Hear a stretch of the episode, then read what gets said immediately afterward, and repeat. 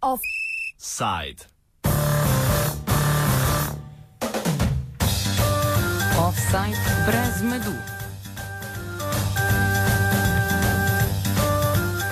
Slovensko čebelarstvo se sooča z izjemno slabo letino.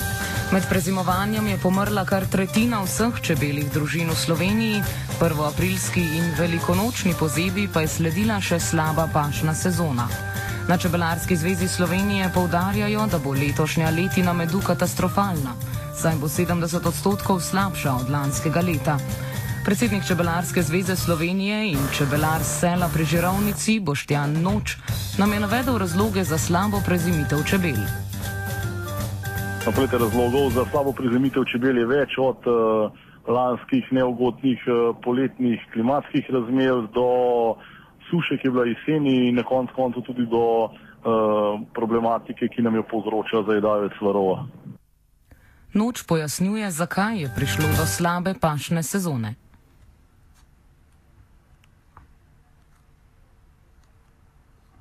Tukaj gre pa predvsem zaradi vremenskih razmer. Prvo je bila ta velikonočna pozeba, kjer je pozebla eh, velika večina naše ene od glavnih paš akacije, potem zelo slab ritem vremena v maju in juniju, kjer smo izgubili um, velik del cvetlične in pa gozdne paše. Tako da prvo pozeba, potem uh, vročina, potem deževje, potem spet vročina, tako da dejansko čebelari tako slabe čebelarske letine, kot je letošnja, ne pomnimo. Kako bo to vplivalo na ceno medu? Govori Boštjan Noč. Vete, cena, ceno oblikuje pač vsak čebelar, ponudnik. Um, večji problem kot sama cena je to, da potrošnik ne bo mogel dobiti um, kvalitetnega slovenskega medu, kajti proizvodna je bom rekel, na preteklem letu manj kot 30-odstotna, to se pravi, da ne bo na voljo dovolj slovenskega medu. Vemo pa, da je slovenski potrošnik um, seznanjen, kaj pomeni med slovenskih čebelarjev in uh, največja škoda je to, da pač vsi slovenski potrošniki ne mogo mogli um, dobiti uh, slovenskega medu. S povedano oceno letošnje letine se strinja tudi predsednik čebelarskega društva Škofja Loka Marjan Novak. Povdarja pa, da so tudi slabe letine koristne za čebelarsko znanje. Dejansko čebelarska letina je bila izredno slaba in jaz upam, no, da zaziram, da na vsakih tok let mora priti kakšna slaba letina, predvsem zato mislim, da čebelari mečkan znamo tudi v teh slabih razmerah čebelart, upam, no, da bo naslednje leto mečkan boljši in ne bo. No, da nam bo v, narava povrnila to, kar nam je nekaj leta sozela.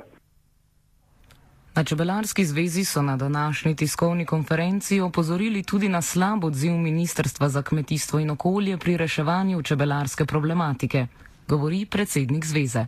Povejte, stvar je ta, da Čebelarska zveza želi, da se stvari, ki so odprte, rešujejo um, konstantno in predvsem uh, operativno v zadnjem času pa moramo reči, da zadeve stojijo od uh, nacionalnega programa, ki je prejšnjo ministrstvo pripravil predlog, osnutek, so vse procedure zaključene, pol leta zadeve stojijo, enako je z um, ustanitvijo Čevalarskega inštituta oziroma neke podobne organizacije in mrsikakšna stvar od postavitve čebelnakov do do geografske označbe za slovenski med. Veliko je stvari, ki je odprtih in uh, mi smatramo, da je treba te, s tem reševanjem teh zadev pristopati bistveno bolj konkretno, uh, zelo operativno. V zadnjem času, pa kot sem rekel, zadeve stojijo, se ne premaknejo z mrtve točke in predvsem nas čudi to, zakaj, kajti večina teh zadev nima nobenih finančnih posledic za državo, predvsem so uh, olajšane birokracije in pa uh, za olajšanje čebelarstva in uh, mislim, da je to v, v teh težkih časih uh, tudi zelo pomembno. Predsednik čebelarskega društva Škofja Loka Marjan Novak pa opaža, da ob slabih letinah nekateri čebelari odnehajo. Kljub temu pa povdarja, da se večina članov udejstvuje v čebelarstvu zaradi ljubezni do narave in ne zaradi bogatenja. In uh, vendar opažamo, mislim, da na takale slaba letna, ko je, pa prinese, mislim, da kašen le uh, položi orožje in se omakne z tega čebelarskega področja, kjer uh, mislim, mi vsakemu čebelarju že ob sprejemu v društvo oziroma čebelarske vrste rečemo, mislim, da uh, čebelarstvo ni, ni neke vrste uh, uh, vir obogatenja, ampak je to uh, delo, delo, delo skozi celo leto. In zdaj, če delaš nekako uh, po svoji vesti oziroma po prepričanju v, za, za zdravo ohranjanje čebel, uh, boš nekako naredil. Mislim, če boš pa šel samo na to, da boš vedel, kaj boš iz Španije pobral, pa je pa uh, taga čebelarstva hiter konc. Neugodne vremenske razmere pa niso edina grožnja čebelam in čebelarjem. Pogovarjali smo se z naravovarstvenikom in piscem različnih knjig o ekologiji Antonom Komatom, ki nam je povedal, zakaj umirajo čebele. Ja, za umiranje uh, čebel je več vzrokov, predvsem so tukaj v igri uh, pesticidi oziroma kemična tveganja, ki so povezana z njihovo uporabo. Uh, tako da kljub temu, da je v naši državi bila prepoved uporabe neonikotinskih insekticidov, ki so napravili najmanj šest velikih pomorov čebel v Sloveniji, uh, je teh strupov še vedno zelo veliko v okolju. Torej, uh, tudi s prepovedjo potrebujemo kasneje nekaj let, da se zemlja očisti. Ne? In tudi rastline, ki raste na tej zemlji, pač, ker gre za sistemske insekticide, uh, jih rastline vsrkajo v svoje tkiva.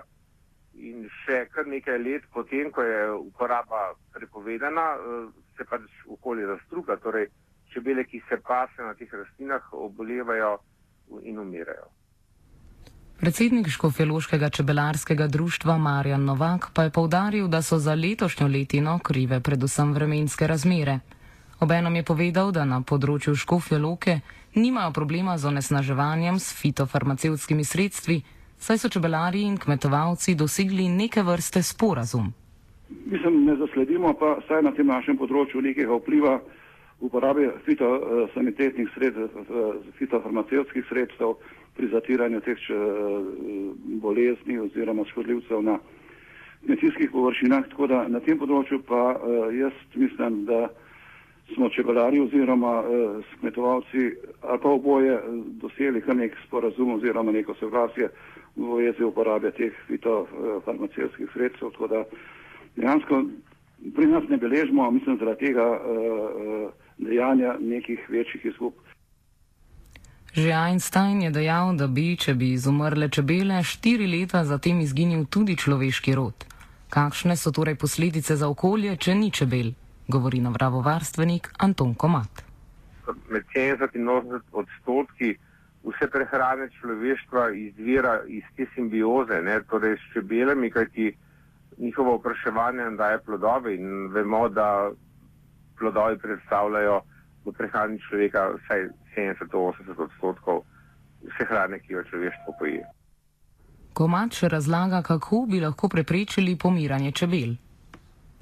Pogled je zelo enostavno. Mislim, da, da če že gremo v solarizacijo v industrije, ne, torej iz nafte, ta pomik v, v solarno energijo, torej v pogon s pomočjo solarne energije, je nujna uh, taka pot tudi in, tudi in predvsem pri pridelavi hrane, kajti sedanja usorna povezava industrijske pridelave hrane z nafto je katastrofalna, zelo na kratki rok.